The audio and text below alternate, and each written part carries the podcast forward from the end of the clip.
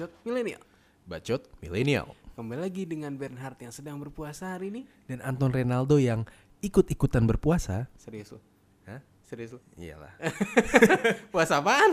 Puasa 3 jam. Oke, mantap. Karena kita rekaman dulu ya. Iya. Oke, nah hari ini gue mau bahas tentang salah satu ibu kota nih Salah di satu. Indonesia, bukan salah satu sih, Satu-satunya. satu ya, satu-satunya ya, Oke. ibu kota tercinta gue nih, DKI Jakarta. DKI Jakarta dan khususnya kota tercinta gue juga, eh, Jakarta Lu Selatan. lahir di Jakarta? Enggak, gue lahir di Bandung. Oh lahir di Bandung. Gua lahir di Bandung. Terus tuh move ke Jakarta kapan? Gue ke Jakarta tuh sejak SMP, tapi sejak SD gue memang sering ke Jakarta. Oh gitu. Iya. Berarti lebih Jakarta gue daripada lu dong. Iya. Gue lahir di Jakarta. Ya boleh lah. Boleh. Kita akan buktikan nanti siapa yang lebih Jakarta di sini. Oke. Oke. Bukan berarti lo lebih lama terus lo lebih Jakarta, Ton. Asik. Hati-hati, Ton. Oke, lanjut. Nah, jadi hari ini kita judulnya adalah ibu kota kan mau pindah nih. Oke, Oke. kita bikin judul yang namanya ibu kota pindah. Milenial setuju nggak? Nah, ini yang jadi pertanyaan karena milenial-milenial kayak gue sama Anton nih, kayaknya masih mencintai banget dan masih suka gitu berdomisili di sini. gitu. Sudah terbiasa dengan Jakarta. Iya, apa gue harus pindah KTP nanti kalau misalnya gue apa ibu kotanya pindah gitu kan? Nah, Karena emang gue sukanya ada ibu-ibunya gitu. Ada ibu. Oke. Enggak, maksudnya kayak main capitalnya gitu loh, ngerti kan maksud gue.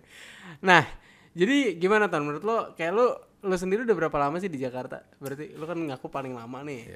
Gue dari lahir di Jakarta. Ah. Dari tahun 1994 gue masuk ke dunia ini itu di Jakarta pintu Di masuknya Jakarta di ya? Jakarta. Oke, Oke. oke, Berarti kalau di em, dihitung sampai sekarang kira-kira udah Ya, umur lo 20 berapa? ya? 20 ya, Gimana sih lo? 25 pakai tahun. gitu segala umur lo berapa? Soalnya gue sempet 4 tahun di Surabaya. Oh, empat tahun di ya. Surabaya. Tapi kan Oke. ujung-ujungnya balik Jakarta juga. Ya, Berarti ya kira-kira full bangetnya 21 lah ya karena 4 21, tahun iya. ini ya. Oke, 21 tahun ya. Kalau gue Jakarta tuh fullnya tuh SMP ke atas tuh gue di Jakarta banget. Oke. Eh, tinggal di sini. Gue lahir kan di Bandung. Yap.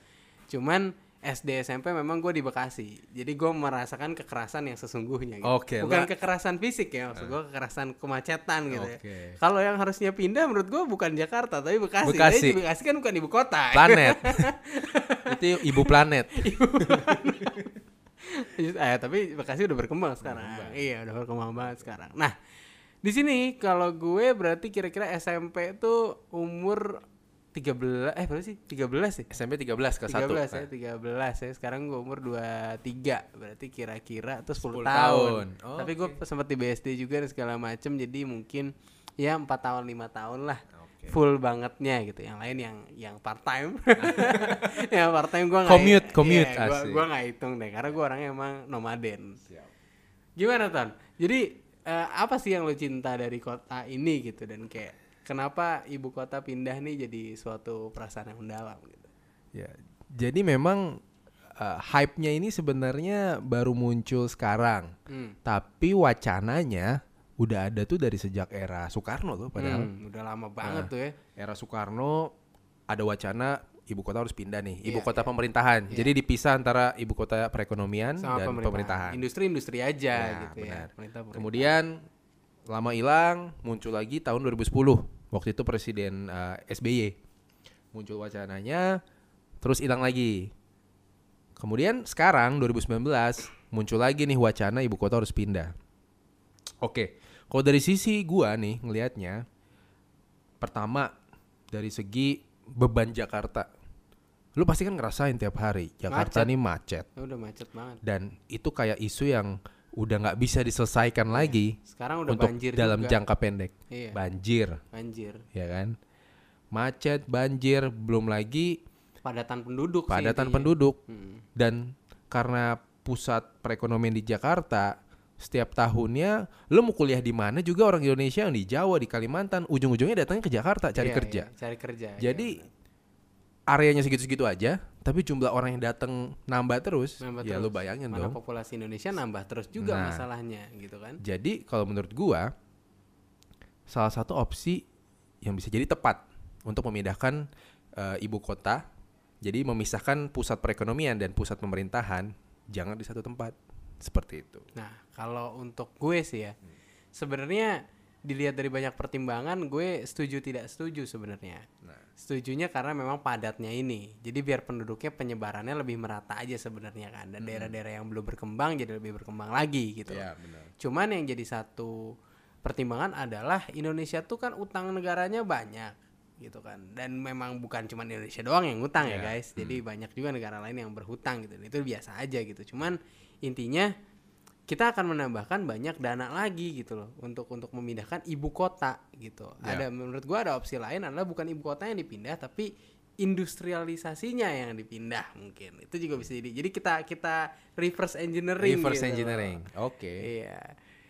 Intinya gitu sih kalau menurut gua dan memang Jakarta ini kan udah develop banget dari segi Hmm. dari segi mallnya apa segala macam kan udah banyak banget ya banyak Iya. muncul mall baru dan kota-kota satelit di pinggiran Jakarta juga udah berkembang gitu loh. Jadi menurut gua mungkin bukan ibu kotanya yang harus pindah tapi industrinya yang pindah. Karena kalau industri pindah pasti akan dibangun mall-mall lagi di sana dan lain-lain. Walaupun memang itu akan menyebabkan efek-efek yang lain juga gitu loh.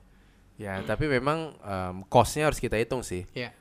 Kalau industrinya pindah, kira-kira bebannya berapa? Mm-mm. Kalau pemerintahannya yang pindah, kira-kira bebannya berapa? Betul. Nah, yang jadi pertanyaan adalah kalau industri, ini kan industri ini banyak yang dananya dana private. Ya.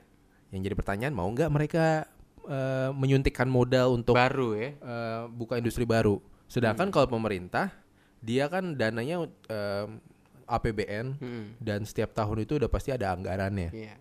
Walaupun memang harus eh, berutang atau untuk jangka panjang atau Iya. gimana.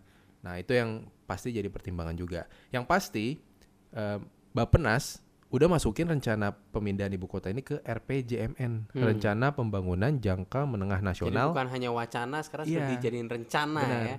tahun 2020-2025. Oke. Berarti di rentang waktu itulah Akan rencananya akan di finishing akan lah. dimulai. Iya, gitu. iya, iya. Tapi nih Bern, oke lah. Eh, rencana untuk pemindahan ibu kota ini udah ada nih. Hmm. Kalau menurut lu ya, dan berdasarkan eh, media-media yang lu baca, syarat untuk menjadi ibu kota itu apa sih menurut lu? Syaratnya itu adalah satu terhubung dengan pusat aktivitas politik. Oh oke, berarti Gitu. kayak ada Karena kan government kan. government. Iya, aktivitas politik tuh penting gitu loh.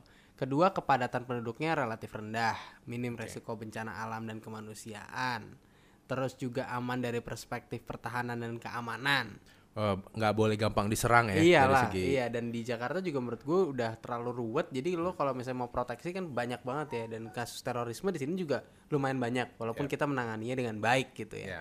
Nah, terus juga harus minim resiko instabilitas ekonomi, politik dan sosial agar mungkin kalau ada kerusuhan apa segala macam governmentnya mungkin nggak kena ya. Iya, Karena kalau misalnya lo lo main game atau lo lihat sejarah gitu kan.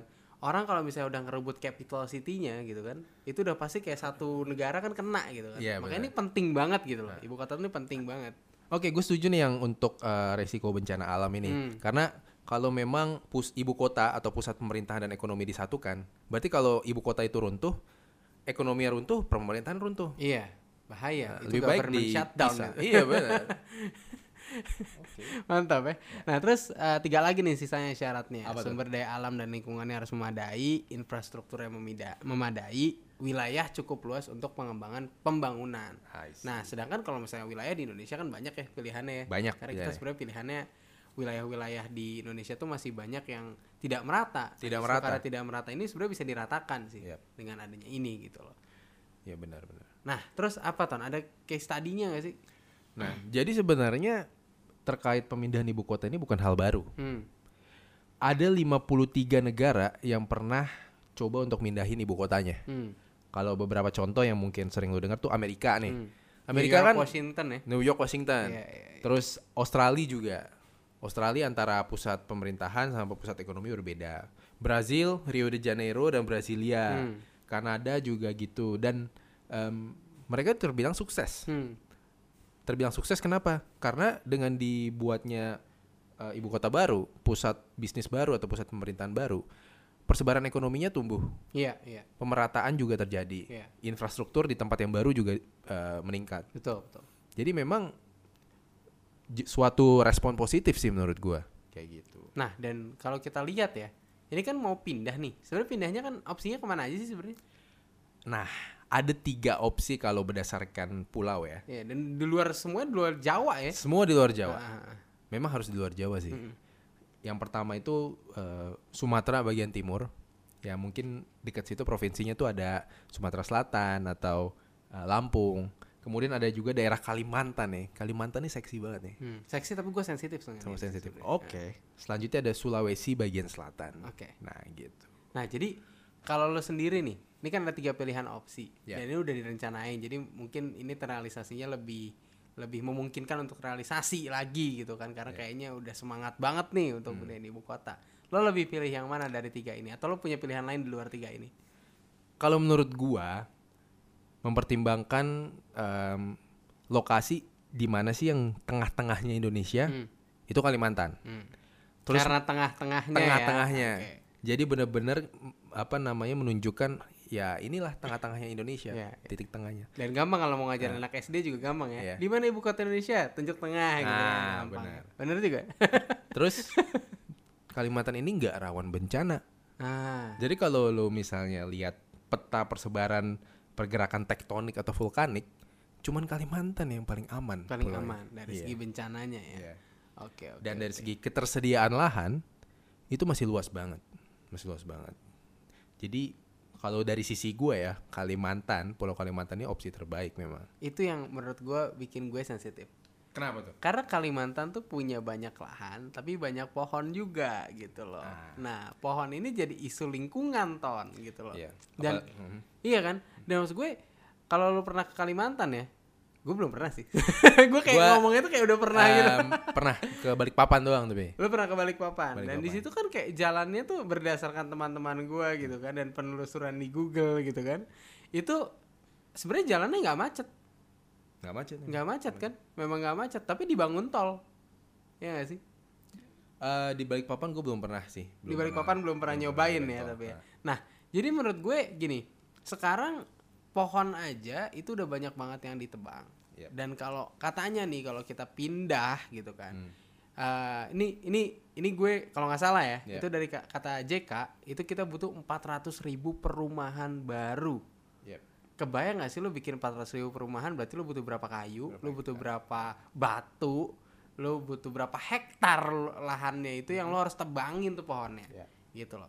Tapi kalau itu kalau emang lahannya di yang iya maksud gue lahan banyak itu karena memang lahannya belum dirusak gitu loh, Iya, belum dimodifikasi gitu. Jadi itu yang sebenarnya menjadi concern gue sih. Gue setuju sih karena isu lingkungan ini sangat sangat sensitif. Hmm. Apalagi Kalimantan ini bisa disebut paru-parunya Indonesia, Iya, paru-paru dunia, dunia bahkan. bahkan dan sekarang kayak kalau lo lihat kan global warming juga lagi tinggi banget gitu jadi mungkin itu bisa jadi konsiderasi nah memang gue setuju kalau dari segi lahan ya ketahanan dan lain-lain Kalimantan bagus gitu ya cuman kalau dari segi ini ini agak eh, di luar bukan di luar konteks tapi di luar nalar dari yang tadi ya Yep. menurut gue sih kalau dari segi pembangunan gue sih pengennya di Papua Di Papua. Iya, gue Oke. sebenarnya pengennya di Papua Kenapa karena tuh? karena Papua tuh ya mereka tuh kaya dengan sumber daya alam ya kan karena di situ tadi kan ada persyaratan sumber daya dan lingkungannya memadai gitu kan. Dan banyak kayak mereka kaya tapi belum menikmati dengan semaksimal mungkin menurut gue yang bisa mereka ambil keuntungannya dari warganya masing-masing gitu. Kenapa nggak ke sana dan kalau lihat kan dari awal presiden tuh orang Jawa semua. Iya gak sih? Iya. nggak ada orang Sunda gitu kan lo lo ba- lu Batak gak sih Gue? Batak, gue Batak. nah ada nggak orang Batak jadi presiden nggak ada. nggak ada sampai sekarang gitu. Coba lu bayangkan orang Papua jadi presiden. Bisa jadi tuh. bisa jadi banget dong. Semua orang warga Indonesia kan punya hak untuk bisa menjadi presiden. Jadi kalau misalnya ibu kota pindah ke Papua ton itu lebih possible lagi ton gitu loh Dan pastinya Papua akan terbangun banget. Papua pasti akan terbangun banget Iya. gitu loh. Dan gue gue nggak masalah sih nggak nggak oh ya udah kenapa nggak pindah ke Bandung gitu karena gue orang Sunda gitu. itu egois banget sih menurut gue. Bandung udah padet cuy. Iya, Bandung juga udah padat. Jadi kayak menurut gue nggak bisa lah gitu loh. Cuman kalau untuk uh, dilihat dari pengembangan daerah menurut gue Papua juga bisa jadi jadi potensi lah. Gue. Setuju banget sih. Gue setuju nih. Menarik dari perspektif kacamata yang eh, lu sampaikan tadi. Iya. Memang untuk bisa ngebangun daerah timur yang least develop banget, ya udah di situ aja ditaruh pusatnya. Iya, iya. otomatis akan terbangun lebih Karena besar terpusat ke karena terpusat ke sana. Iya. Ya mungkin kalau misalnya Papua terlalu jauh, taruhlah opsi ada Maluku, Maluku lah, Sulawesi, Sulawesi, ya. masih Nah, oke masih lah. oke. Iya. Kayak gitu dan dan pertimbangan lingkungan itu itu benar-benar benar-benar Itu yang harus banget sih. banget sih sensitif menurut banget. gue. ya. Sensitif banget sih. Paru-paru dunia itu sih. banyak kayak- orang yang nggak sadar tapi sebenarnya kita sudah merasakan itu guys. Iya. Gitu loh. Nah, terus Ton, tapi kalau kalau itu kan opini kita nih. Tapi Iya. katanya kalau opsi terbaik tuh Kalimantan kan. Ya. Opsi terbaik gitu loh. Nah, jadi dana yang dikeluarkan tuh harus berapa kalau kita pindah ke Kalimantan? Kira-kira nih estimasinya itu adalah 300 sampai 400-an triliun. Waduh. Nah, Dan itu Indonesia punya nggak ya dana segitu apa harus nah, ngutang lagi itu nih? dia. Pasti salah satu opsinya ngutang. Hmm. Jadi itu juga yang harus dipikirkan ya, apalagi developmentnya 5 sampai 10 tahun gitu Iya. kan. Dan tanggal 8 Mei itu presiden tuh udah melakukan kunjungan ke kawasan segitiga emas di Kalimantan Tengah ya. Iya. Karena lokasinya juga cukup luas dan kebutuhannya 300 ribu hektar juga kayaknya sudah mulai terpenuhi di situ. Nah, Tapi jadi- masih baru kayak baru kunjungan buat dapet feelingnya sih Iya, kalau iya. kata presiden. Iya, iya, iya. Kalkulasi tetap dilakukan sama Iya. tim Bapenas dan Iya. tim terkait. Iya. Tapi kan pasti sebagai presiden turun langsung ngerasain feelnya. Iya. Nih kira-kira cocok nggak nih? Nah, kayak Berarti gitu. presiden harus berkunjung ke semuanya ya. harus berkunjung. Agar dapat semua feel. Bener, ke semua calon-calon itu harus berkunjung. iya, iya. iya. Karena pasti kan sebagai pimpinan harus punya analisa pribadi nih, Iya. analisa sendiri nih. Iya, dan apresiasi dari masyarakat juga seperti apa nantinya se- saat dia memilih itu gitu kan. Karena itu penting banget. Karena di sini guys intinya untuk memindahkan ibu kota tuh bukan cuman dari uangnya aja, bukan dari cuman lahannya doang gitu kan, tapi di sini juga ada politik. Yap. Di mana kalau kita udah ngomongin politik pasti ada kepentingan juga di situ yang pasti dipikirin. Terus gitu. Dan jangan lupa juga dengan skala prioritas. Memang memindahkan ibu kota dari Jakarta yang sudah sumpek itu perlu. Tapi kita juga jangan lupa bahwa masih banyak saudara-saudara kita yang em, jauh kekurangan Hmm. dan itulah diperlukan analisa. Iya. Kira-kira dengan dana 300-an 400-an triliun itu lebih bijak mana? Langsung kita salurkan kepada yang membutuhkan, bikin strategi di sana atau untuk memindahkan ibu kota. Dan karena kita nggak lihat tiap hari bukan bukan berarti itu tidak terjadi Iya. gitu ya. Dan lebih bagus lagi kalau bisa double effect. Mindahin ibu kota iya, tapi dengan itu dampaknya perekonomian juga lebih membaik. Mantap. Kemiskinan bisa berkurang. Betul sekali Anton. Dan itu butuh strategi yang jitu. Yo, nah ini kayaknya spesial nih di di episode ini karena kita menjanjikan sesuatu yang spesial di episode 10 ini ya. Yap. Nah, jadi di episode 10 ini kita akan mulai untuk menang menangkap opini dari pendengar kita, Ton. Ya. Ntar kita buka pollnya, ntar bisa lihat aja di Instagramnya Hard Logic gitu ya. Dari Instagramnya Anton Reynaldo dan Ben Hart juga nanti akan kita arahkan gitu Ya. kan. Jadi kita pengen tahu menurut kamu tuh sebenarnya ibu kota harusnya kema- ke mana dan kenapa gitu. Menarik, boleh. Ya, jadi kita ada interaksi ya dengan pendengar kita gitu kan. Yang dulu cuma DM DM kita aja gitu kan. Sekarang kalian juga bisa berinteraksi dan bisa dilihat juga orang-orang pendapatnya seperti apa. Oke, Oke, siap. Top banget ya. Top banget. Mantap sekali episode 10 kali ini. Berbobot banget ya. Berbobot Padahal lagi sekali. puasa loh. Iya. Lu aus gak? Ah, haus bro, Haus tapi ya? kan harus ditahan karena Ah, sudah niat. Oke, next episode itu adalah eh, kita akan membahas sesuatu yang memang ini jadi favorit di kalangan pendengar kita Kenapa tuh? yang mungkin budak-budak cinta. Ay, Iya. bucin. Iya, tapi eh, tapi bucin-bucin ini akan kita berikan sesuatu yang powerful. Gimana caranya lu bucin tapi lu berkarya? Nah, Nah, itu gimana? Dengerin aja nanti di episode 11, oke? Yep. So, thank you for listening guys. and bye. Bye.